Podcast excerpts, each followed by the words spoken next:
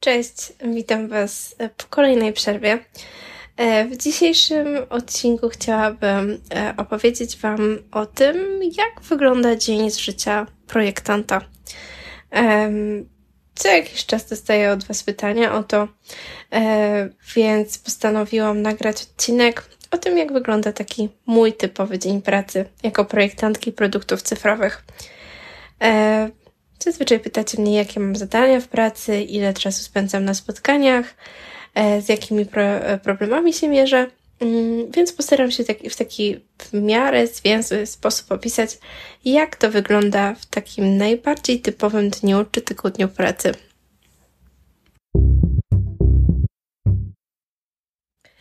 Jeśli słuchacie mnie e, już od jakiegoś czasu, to pewnie zorientowaliście się, że nie jestem zbyt regularną podcasterką. Prawdopodobnie w jakimś rankingu na e, najgorszego podcastera e, roku miałabym szansę na wysokie, e, wysokie e, wysoką lokatę. E, niestety nikt nie prowadzi takich, no może stety nikt nie prowadzi takich rankingów. No ale do czego zmierzam? Zmierzam do tego, że ten tekst i ten podcast e, dosyć długo leżały w wersjach roboczych. No i tak się stało, że w międzyczasie zmieniłam pracę. Nie chciałam już zmieniać połowy tekstu, więc weźcie proszę pod uwagę, że to, co tutaj opisuję, to sytuacja sprzed kilku miesięcy. Będę opisywała to, jak wyglądała moja praca w Software. E, także miejcie proszę na uwagę, na uwadze, że um, jeśli wejdziecie na mój profil na LinkedInie, zobaczycie tam już innego pracodawcę, e, więc może za jakiś czas nagram drugą, e, drugą odsłonę tego e, podcastu, e, tego odcinka, gdzie opowiem, jak wygląda mój dzień e, pracy, kiedy pracuję już w firmie produktowej po kilku miesiącach widzę, że jest to bardzo duża różnica. E, I sam, mi samej otworzyło to oczy na to, że jakby praca projektanta pracy projektantowi nierówna e, i to, jakie mamy właśnie tutaj różne uwarunkowania, bardzo wpływa na to, e, jak wygląda tak naprawdę jeden dzień pracy, a w ogóle jak to rzutuje na pracę w ogóle. No i o tych właśnie warunkach um, chciałabym jeszcze tutaj wspomnieć. Pamiętajcie proszę, że ja opisuję swój konkretny przypadek w danym konkretnym momencie. Więc nie obiecuję, że tak będzie wyglądał Twój dzień jako projektanta UX UI czy product designera. Każda firma ma swoje własne zasady pracy, a w trakcie pandemii wszystko odwróciło się do góry nogami. Nadal nie wiadomo, jak będzie wyglądał świat w, takim całko, w takiej całkowicie popandemicznej rzeczywistości. Dodaję tę dygresję, żeby przesadnie nie lukrować świata IT, którym moim zdaniem i tak jest już za bardzo przesłodzone. E, także słuchajcie tego proszę z takim filtrem, wiedząc, że nie wszędzie ten sam zawód będzie wyglądał tak samo. E, co jeszcze warto dodać i co też rzutuje na mój e, dzień pracy, to to, że ja pracuję zdalnie z mojego domowego biura. Zaczęłam pracować tak już rok przed pandemią, także był to mój świadomy wybór, a nie przymus, jak w przypadku wielu osób. Pracuję w Software House, gdzie pracujemy w Scrumie, a dodatkowo mamy w firmie holakrację. Nie będę się tu bardzo rozwodzić może czym jest holakracja, czym jest Scrum. Także wy, wybaczcie najmocniej trochę specjalistycznego słownictwa, niemniej nie chcę tym zagadnieniom poświęcać za dużo uwagi akurat w tym odcinku. Jeśli pracujecie w firmach technologicznych, to prawdopodobnie nie będzie to dla Was tak całkowicie nowe słownictwo. A z kolei, jeśli planujecie pracę w branży IT, to polecam powoli oswajać się z tym nowym słownictwem i w razie potrzeby googlować na bieżąco.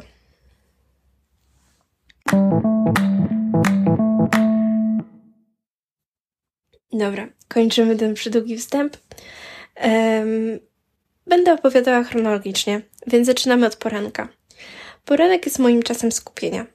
Od jakiegoś czasu staram się szybciej zaczynać pracę. Ogólnie nie mamy sztywnych reguł, o której powinniśmy być w pracy. Obowiązują nas tak zwane elastyczne godziny pracy, więc można dopasować sobie pracę do stylu życia. Ważne, aby być na ogólnozespołowych spotkaniach i być dostępnym dla klienta we właściwych godzinach. Większość osób z mojego zespołu zaczyna pracę około dziewiątej. W tych okolicach mamy nasze pierwsze spotkanie zespołowe, czyli tak zwane daily. Aby mieć trochę więcej czasu dla siebie, zanim powiadomienia na Slacku będą walczyć o moją uwagę, zaczynam pracę około 7-7.30. Wtedy jest jeszcze cicho i spokojnie. Poświęcam ten czas na zaplanowanie sobie dnia. Pracuję w kilku projektach jednocześnie, więc muszę planować zadania zgodnie z priorytetami z różnych zespołów. Do tego celu używam zazwyczaj po prostu najbliżej mnie leżącej kartki i długopisu. Czasami zapisuję to w notesie. Lubię odznaczać wykonane zadania w taki fizyczny sposób. Sprawia mi to większą przyjemność i daje większą satysfakcję niż klikanie checkmarków e, na ekranie. Rano poświęcam też czas na zadania, które wymagają skupienia, kreatywności i świeżego myślenia. Zajmuję się wtedy przygotowywaniem moodboardów, propozycją nowego UI-a, czytam na temat nowych rozwiązań albo przeglądam i zapisuję inspiracje, aby dobrze rozpocząć dzień i pobudzić kreatywne myślenie. Jest to też często dobry moment, żeby przygotować architekturę informacji, dokładnie przemyśleć zależności między ekranami i flow użytkownika. Także podsumowując, poranek jest na zadania, które wymagają skupienia e, i świeże, świeżej głowy, której e, z biegiem dnia jest już coraz mniej. Tak jak wcześniej wspomniałam, kiedy przychodzi godzina dziewiąta, nadchodzi czas daily, czyli naszego pierwszego zespołowego spotkania. E, daily to spotkanie e, skramowe. Trwa zazwyczaj około 10 do 15 minut i podczas tego spotkania wyrównujemy się. Co to oznacza? Opowiadamy o e, zadaniach, zaplanowanych zadaniach, które udało nam się zakończyć. Informujemy o tym zespół Mówimy także o tym, co chcemy dzisiaj na siebie wziąć, czyli jakimi zadaniami będziemy się zajmować. Mm, no i najważniejsza rzecz, rozmawiamy o celu sprintu, czyli najważniejsza rzecz, którą zaplanowaliśmy, że dostarczymy w danym tygodniu czy w danym sprincie. E, no i codziennie reflektujemy e, się, czy e, jest to nadal możliwe, aby ten cel osiągnąć, czy może powinniśmy podjąć jakieś działania i zredukować jakieś ryzyka, aby ten cel był realny do, do więzienia. To jest też także moment, żeby powiedzieć, że z jakiegoś powodu któryś z zadań nas przerasta i potrzebujemy wsparcia innego członka zespołu. Może być też jakby w odwrotną stronę, że na przykład kończą nam się zadania w danym sprincie i możemy zgodnie z priorytetami wziąć kolejną rzecz z backlogu. Oprócz tego, kiedy otwieramy rano Slacka, to piszemy na kanale zespołu Dzień dobry i dajemy znać, do której godziny dzisiaj pracujemy. Jest to taki nasz zwyczaj, który zapoczątkowała pandemia. Dzięki temu wiemy, czy ktoś już jest w pracy i do której można do niego napisać, żeby uzyskać jakąś informację. W pandemii Każdemu trochę pozmieniały się godziny pracy. Jedni wykorzystali brak konieczności dojazdu i zaczynają pracę szybciej, innym przybyło obowiązków, bo na przykład ich dzieci mają nauczanie zdalne i dlatego pracują w nieregularnych godzinach, bo opiekują się jednocześnie maluchami. Także taka, takie powiadomienie reszty na Slacku e, jest bardzo fajne i dzięki temu e, mamy tą możliwość e, pracy w tak elastyczny sposób. No dobrze. Dzień zaplanowany. Zespół przywitany. Wiemy, co dzisiaj robimy. Czy teraz nadchodzi czas na projektowanie? Odpowiedź brzmi tak, ale nie zawsze. Ja już dawno pożegnałam swoją piękną wizję designera, który cały dzień spędza w Figmie, dopieszczając projekty i przesuwając piksele po ekranie. Z perspektywy czasu wiem, że ta wizja wcale nie była taka fajna. Ale w rzeczywistości praca product designera polega na poznawaniu problemu, pytaniu o potrzeby, syntezowaniu informacji i szukaniu wartości, jaką możemy dać naszym użytkownikom i stakeholderom. A to wszystko najczęściej dzieje się na spotkaniach, przynajmniej w środowisku, w którym ja pracuję. W efekcie kalendarz jest wypełniony mniej lub bardziej efektywnymi spotkaniami z stakeholderami, a na pracę tak zwaną wykonawczą zostaje mi dosłownie godzina dziennie. Przyznam szczerze, że często bywa to mocno frustrujące i nie sprzyja mojej kreatywności. Nawet Uniwersytet Stanforda wykazał w badaniach, że spotkania online są bardziej obciążające dla naszej głowy niż spotkania na żywo.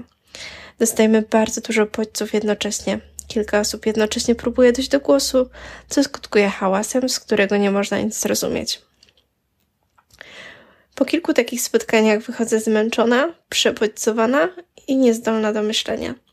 Denerwuję się tym, że zamiast być godzinę na spotkaniu, na którym na które nic nie wniosłam, mogłam przeczytać krótkie podsumowanie na Slacku, które dałoby mi tyle samo informacji, a mniej frustracji. A w tym czasie przecież mogłam pracować nad zadaniem projektowym, które odwleka się w czasie i blokujemy przez to programistów. Także tak jak widać, nie jest tak kolorowo, jak mogłoby się wydawać.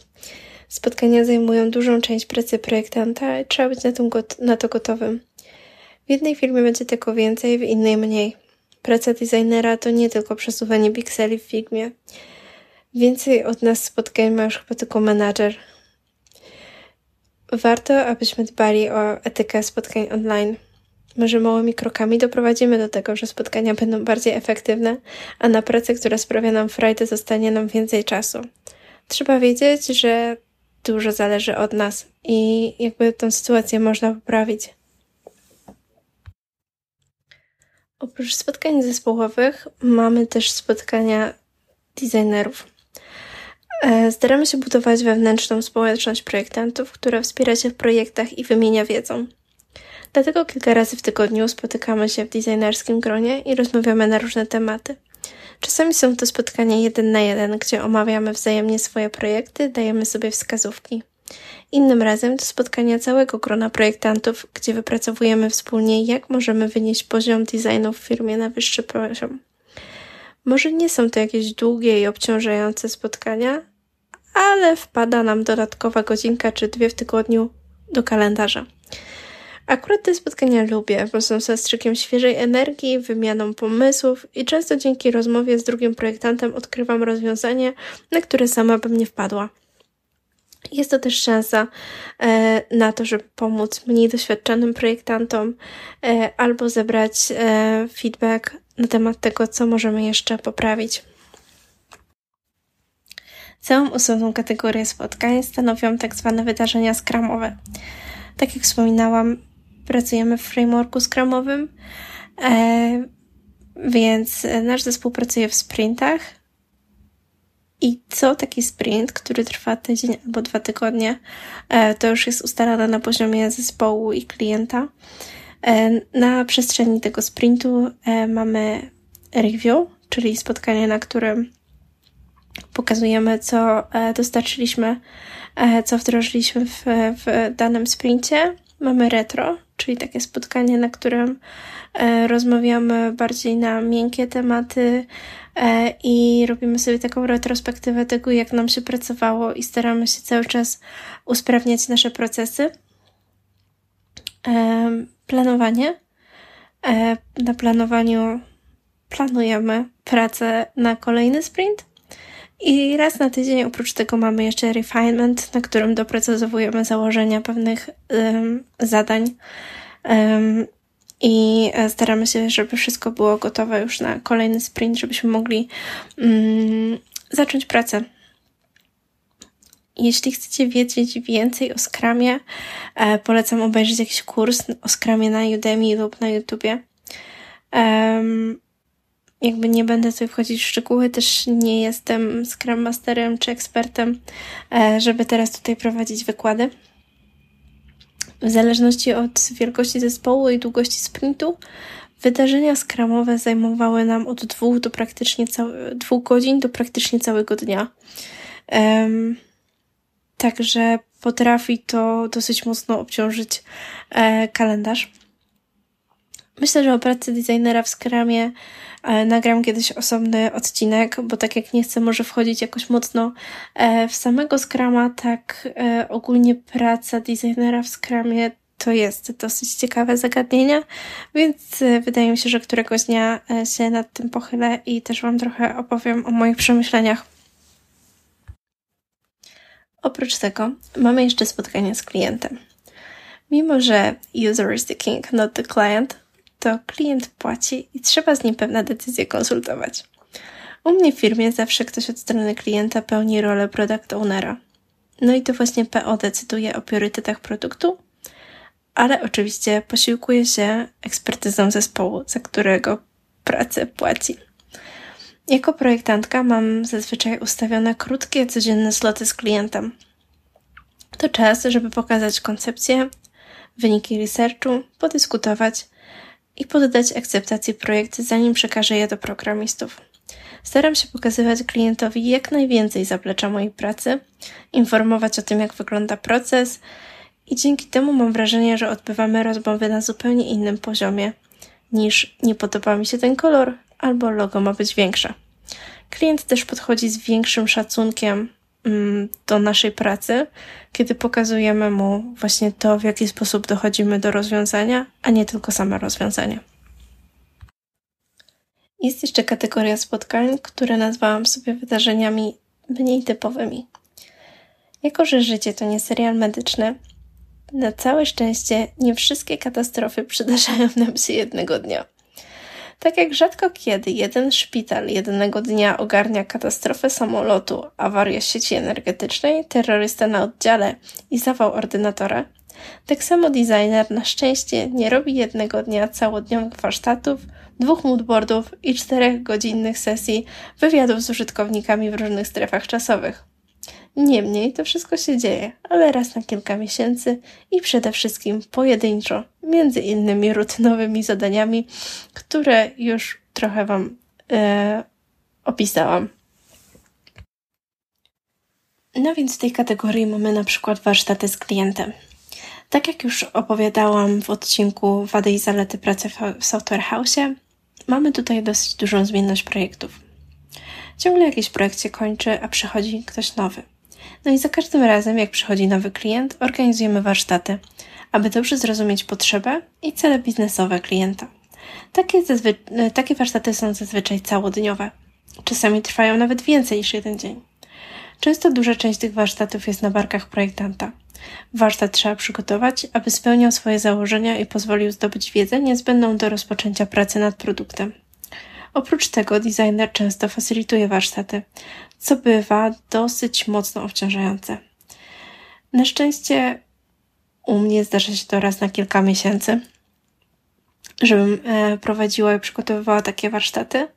E, czasami bierze się udział w warsztatach nie tylko w swoim projekcie. Na przykład poprosi nas jakiś inny designer o wsparcie, albo trzeba kogoś zastąpić. Także, mm, no, powiedziałabym, że tak średnio raz na e, właśnie kilka miesięcy jest taka okazja e, do poprowadzenia warsztatów. Kolejnym takim e, wydarzeniem czy elementem w procesie są moodboardy. Kiedy pojawia się nowy projekt, to jednym ze stałych elementów po warsztatach są właśnie moodboardy. Zazwyczaj mając e, już jakieś założenia lub oczekiwania po, warsztacie, przygotowujemy dwie wersje e, moodboardów. Mm, dzięki temu klient może podjąć decyzję, wybrać między dwoma różnymi kierunkami wizualnymi, które następnie rozwijamy i są one jakimś początkiem e, finalnego UI-a produktu. Lubię ten element procesu, bo jest to szansa na to, żeby się trochę artystycznie wyszaleć zazwyczaj jest to też szansa na współpracę z drugim e, designerem, bo staramy się, żeby e, każdy z moodboardów przygotowywał ktoś inny, więc jest taka szansa na to, że te same założenia zinterpretujemy na dwa różne sposoby i, i z tego sobie klient będzie mógł wybrać, co jest bardziej dla niego spójne z marką, którą tworzy. Mm. Więc tak, lubię ten element e, i szczególnie za nim tęsknię, kiedy utknę na przykład e, w jakimś monotonnym rządowym projekcie na rok lub dłużej. No i uwaga, skandal.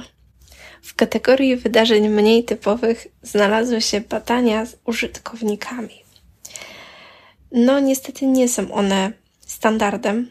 Zdarzało mi się je robić e, raczej sporadycznie, bo pracowałam w dosyć nietypowych projektach. Ostatni raz, kiedy robiłam moderowane badania z użytkownikami, e, to były to osoby ze Stanów Zjednoczonych. I uwaga, musiałam przeprowadzać te badania e, o pierwszej w nocy naszego czasu. Także bywają i takie wyzwania. Teraz wspominam to z uśmiechem. Mm, nie do końca było mi do śmiechu, kiedy e, budzik dzwonił o, wiecie, pół godziny przed badaniami i musiałam się z piżamki przebierać z powrotem w coś e, reprezentatywnego. Mm. Same badania moderowane i wywiady są czasochłonne. Trzeba opracować hipotezy, scenariusz, bardzo dużo rzeczy dzieje się przed samym badaniem. Trzeba zrekrutować uczestników, gdzie kiedy pracuje się w jakimś bardzo specyficznym produkcie, e, to też użytkownicy, których chcemy przebadać, muszą być jakby z, z targetu, e, więc czasami ciężko do nich dotrzeć. Następnie sesję trzeba zmoderować. E, no i potem prawdopodobnie wielokrotnie obejrzeć nagrania z tych, e, z tych sesji, aby zebrać e, insighty, obrobić wyniki, a następnie przedstawić rekomendacje stakeholderom. Mm, no więc jest to bardzo, bardzo dużo pracy. I, no i jest to coś, co jakby na pewno na co najmniej tydzień przeorganizowuje nam całą pracę. Moją rekomendacją jest to, żeby kiedy tylko można angażować e, w ten proces inne osoby. Może być to jakiś drugi projektant, ale tak naprawdę mm, dowolne osoby z zespołu bo deweloperzy też świetnie sprawdzają się w robieniu notatek w trakcie e, sesji z użytkownikami e, lub potem e, wyciąganiu insightów z nagrań. Także polecam angażować wszystkich, to też dla nich czasem jest fajna zajawka, żeby zrobić coś innego niż na co dzień. No a nam na pewno przyspiesza późniejszą pracę z wynikami.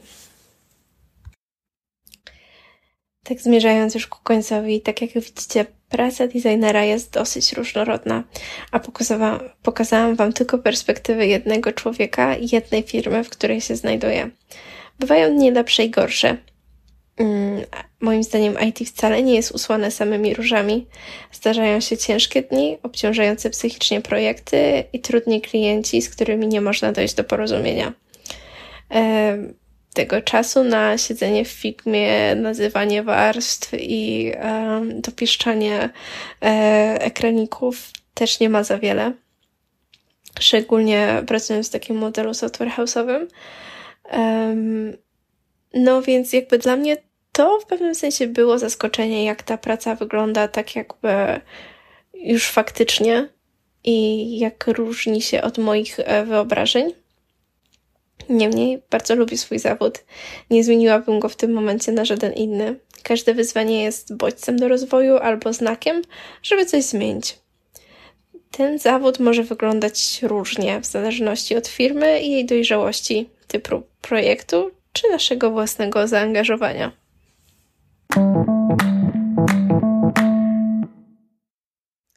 Dziękuję Wam za wysłuchanie tego odcinka. Mam nadzieję, że e, coś Was tutaj zainteresowało i te informacje są dla Was przydatne. E, zawsze dziwnie mi tak e, nagrywać coś po, po przerwie, ale no, może sama jestem sobie winna, że te przerwy są i są takie długie. Wiecie, co jest najgorsze? Że potem przy montażu mam problem, bo nigdy sobie nie zapisuję, jakich użyłam jingli, a chciałabym, żeby to było wszystko spójne ze sobą. E, także muszę potem e, się przekopywać przez jakieś stare pliki i szukać albo odsłuchiwać swoje stare odcinki, żeby e, gdzieś tam się dosłuchać, czego ja właściwie używałam. Zapominam, jak nazywały się e, moje programy do e, montowania odcinka. Także e, wszystko wskazuje na to, że powinnam robić to regularnie, no ale niestety czasami życie weryfikuje te plany. E, także za dodatkowego kopniaka e, dziękuję Zebzie, która e, trochę mnie zmotywowała do tego, żeby nagrać ten kolejny odcinek. No i mam nadzieję, że słyszymy się niedługo. Mam jeszcze jeden odcinek do nagrania. Mam nadzieję, że zrobię to, to dosyć szybko. No i piszę właśnie nowy tekst, także do niego też na pewno pojawi się odcinek podcastu. Mm, trzymajcie się ciepło i do usłyszenia.